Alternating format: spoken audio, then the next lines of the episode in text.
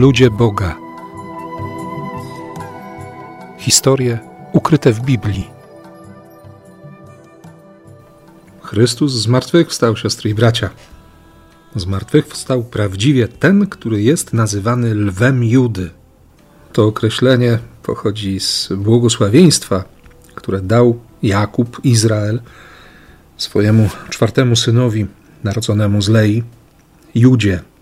49 rozdział Księgi Początków od wersetu 8 do 12 zawiera błogosławieństwo dla Judy. I przeczytamy w nim między innymi szczenięciem lwa Juda. Ty, synu mój, z młodych wyszedłeś latorośli. Znalazłszy legowisko, zasnąłeś jak lew jak młode lwa. Kto się ośmieli go budzić? Nie zabraknie wodza z Judy, przewodnika z jego lędźwi, aż przyjdą wydarzenia dla niego odłożone. On oczekiwaniem narodów. Juda, praprzodek Jezusa. Zarówno genealogia, którą znajdujemy w Ewangelii Mateusza, jak i genealogia dość swobodnie potraktowana przez ewangelistę Łukasza, zaznaczają wyraźnie, że, że w prostej linii Juda jest, jest przodkiem Jezusa, zwanego Mesjaszem. Jezusa, który był, jak mniemano, tak napisze ewangelista Łukasz, synem Józefa. A Mateusz zaznaczy, że był to przodek Józefa, męża Maryi, z której narodził się Jezus, zwany Chrystusem. Juda, człowiek niezwykły. Jego imię wyraża wdzięczność wobec Boga. To była wdzięczność Lei, jego matki, za to, że, że mogła dać swojemu mężowi aż tylu męskich potomków. Jego imię ma też szczególne znaczenie, ponieważ w nim są zawarte święte litery tetragramatonu, czyli tego tajemniczego boskiego imienia. Jud, He, Waf, He. J, H, W, H. Jest jeszcze dodatkowa litera, dalet. Gdybyśmy sięgnęli do, do języka hebrajskiego, aramejskiego, słowo dal oznacza człowieka ubogiego, Wiemy dobrze, że gdzieś w tej genealogii Jezusa jednym z potomków Judy będzie król Dawid, którego imię rozpoczyna się i kończy literą Dalet. Dawid, pomimo swojego królewskiego majestatu, jak zaznaczy niedawno zmarły profesor Paweł Śpiewak w księdze nad księgami w Midraszach, Dawid, mimo królewskiego majestatu, mimo swych talentów, wojennych sukcesów, uważał się przede wszystkim za ubogiego, nędznego śmiertelnika, który tylko przekazuje innym dary Boga. I nie ma w tym nic, co by było jego własne. Zresztą, kiedy zajrzymy do późniejszych proroctw o Mesjaszu, choćby do proroctwa Zachariasza, ten, który ma sprowadzić królestwo Boga na ziemię, będzie też biedakiem jadącym na osiołku. Jeden ze współczesnych rabinów będzie opisywał wdzięczność starszej z sióstr, żon Jakuba, twierdząc, że, że Bóg dał jej więcej niż oczekiwała. I to więcej przejawiało się także w popularnej nazwie całego narodu żydowskiego. Żydzi są nazywani Jehudim, tak jakby wszyscy byli potomkami Judy, bez względu na to, do jakiego pokolenia izraelskiego należą. Ów rabbi tłumaczy to słowami: Jesteśmy Jehudim, ponieważ zawsze dziękujemy Bogu za to, że dał nam więcej niż stanowi nasz udział, więcej niż na to zasługujemy. Żyd zawsze jest świadom hojności i miłosierdzia Boga. Ale wróćmy do lwa Judy.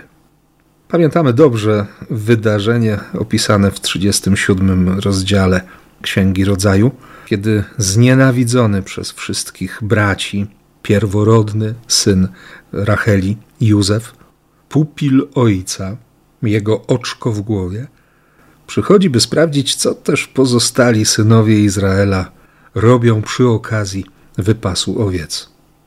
Najstarszy z nich, Ruben, który każe wrzucić Józefa do studni, licząc na to, że później pod osłoną nocy go wydobędzie i wypuści do domu. No, pierworodny syn Jakuba starał się jakoś obronić swojego młodszego brata, pomimo że pewnie tak jak pozostali, nienawidził go ze szczerego serca, ale, ale przede wszystkim szanował ojca. Jednak Ruben nagle gdzieś się zagubił. Przez pewien czas nie był obecny między braćmi. I właśnie wtedy, kiedy zbliżają się kupcy, Biblia hebrajska powie, że to byli Izmaelici, Targum Neofiti podpowie, że byli to Saraceni. Właśnie czwarty syn Jakuba, Juda, daje propozycję, by sprzedać Józefa w niewolę. Co za pożytek, choćbyśmy zabili brata naszego i zataili jego krew. Sprzedajmy go Izmaelitom. Cóż za bogactwo będziemy mieć, jeśli zabijemy naszego brata i ukryjemy jego krew? Jaki zysk? Chodźcie, sprzedamy go. Nie wyciągajmy naszych rąk przeciw niemu, wszak jest on naszym bratem. Propozycja zabrzmiała bardzo rozsądnie. Brat ocaleje, choć z drugiej strony w wielu wypadkach śmierć była lepsza od niewoli. W każdym razie bracia Józefa nie zabiją, ale się go skutecznie i na zawsze pozbędą. Do tego jeszcze trochę srebra wpadnie w trzos. Czy Juda chciał ocalić swojego brata? Czy chciał się pozbyć kłopotu? Tego ostatecznie nie wiemy, natomiast wiemy o tym, że, że to Juda swoją decyzją weźmie na siebie również odpowiedzialność za zabicie Józefa w sercu swojego ojca. Juda nie zdawał sobie sprawy z tego, jaki ból zadaje ojcu. Poznał jego gniew, ale nie wiedział jeszcze, jak głęboko Izrael przeżyje żałobę, jak głęboko w jego sercu i w jego duszy zagości zmartwienie i smutek. Ale, jakby to powiedzieć, mleko się już rozlało. 37 rozdział Księgi Rodzaju, werset 28. Gdy kupcy madianiccy ich mijali, wyciągnąwszy spiesznie Józefa ze studni, sprzedali go za 20 szekli. Biblia hebrajska powie za 10 sztuk srebra. Ci zabrali Józefa do Egiptu. Dopiero wtedy Ruben wraca do swoich braci, rozdziera szaty, ponieważ nie widzi w studni Józefa. Bracia biorą tę ozdobną szatę z długimi rękawami swojego młodszego, sprzedanego już brata, zabijają młodego kozła, umoczyli tę szatę we krwi. Przez posłańców przekazali ją ojcu i Jakub wpadł w rozpacz. Przeczytamy jeszcze tylko w ostatnim wersecie tego rozdziału, że Madianici sprzedali Józefa Egipcjanom, a konkretnie Potifarowi, urzędnikowi faraona, właściwie eunuchowi, który był strażnikiem, ale można też przetłumaczyć to słowo jako przełożonym katów. Łatwo sobie wyobrazić, jaki los czekał młodego Józefa.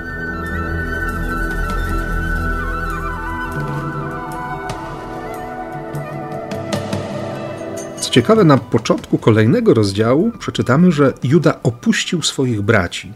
Zaszedł do pewnego mieszkańca miasta Adullam imieniem Hira, zobaczył córkę pewnego Kananejczyka, który nosił imię Szua, wziął ją za żonę, ona poczęła, urodziła syna, któremu nadała imię Er, potem jeszcze raz poczęła, urodziła syna i nazwała go Onan, a gdy znów urodziła syna, dała mu imię Szela.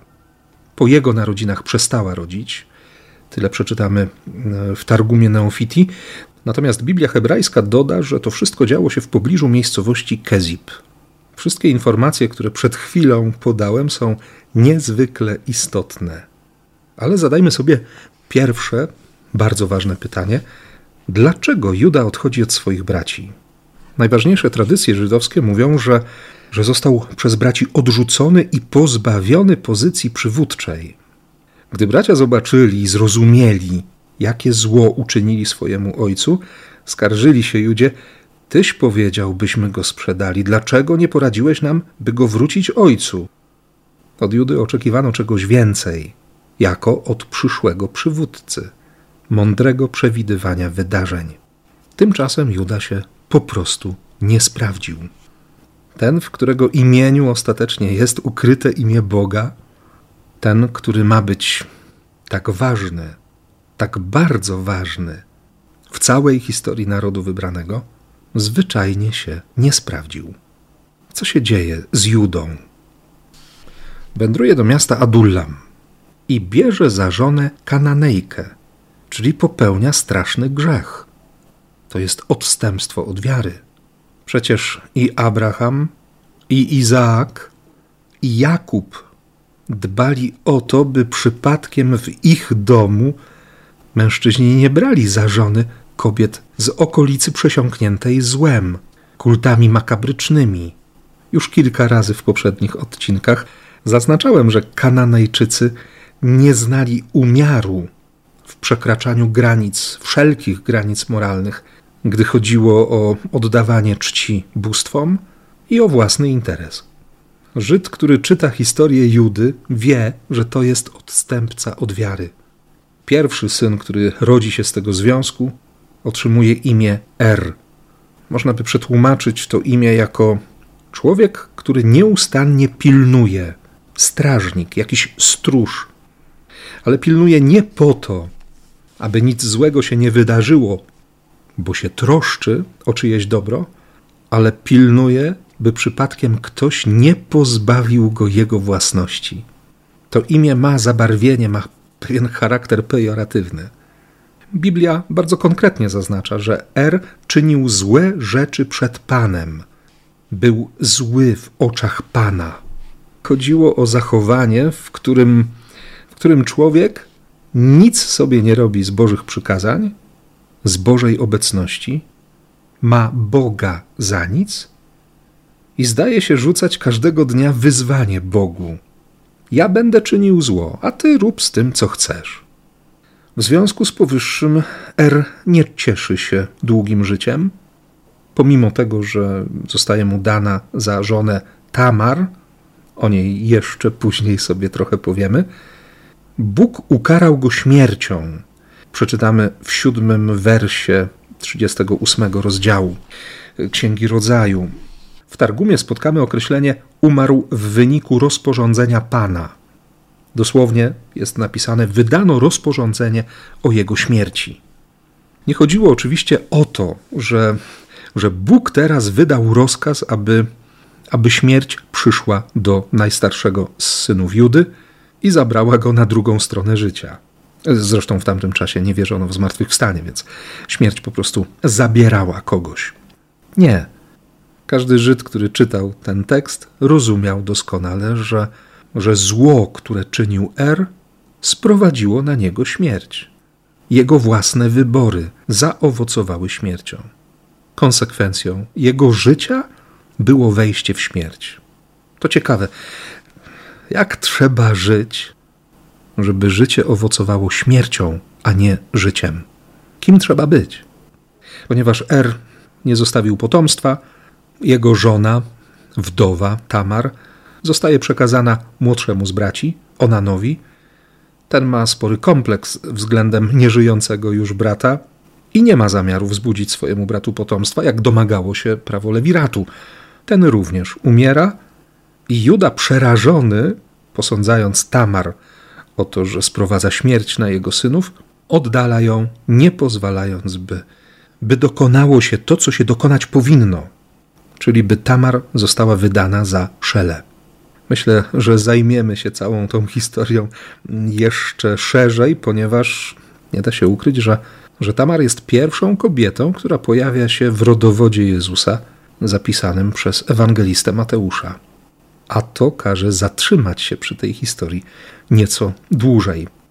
Chciałbym jeszcze tylko wrócić na moment, żeby dokończyć początek tej historii Judy do, do piątego wersu 38 rozdziału Księgi Rodzaju. Wszystko to wydarzyło się w pobliżu miejscowości Kezib. Kezib po hebrajsku znaczy kłamstwo. Juda, który jest odstępcą od wiary, nie sprawdza się jako ten, któremu można by powierzyć panowanie nad innymi. Juda, który okaże się strasznym egoistą, trwa w kłamstwie, żyje w oszustwie, sam staje się oszustem, podporządkowuje rzeczywistość swojemu myśleniu o niej, nie umiejąc sprostać zadaniom, które, które przewiduje dla niego jego ojciec, i widząc, że jest bezlitośnie weryfikowany przez swoich braci, Juda próbuje ogarnąć swój świat. Świat zbudowany na kłamstwie, na nieprzestrzeganiu prawa, na rządzy, na wybielaniu siebie, na żonglowaniu przepisami według własnego widzimisię. Czy to się może udać? Można udawać przez jakiś czas, ale, ale jak ma wyglądać takie życie na dłuższą metę? Na szczęście Bóg chce zainterweniować w tę historię. I o tym powiemy sobie w następnym odcinku.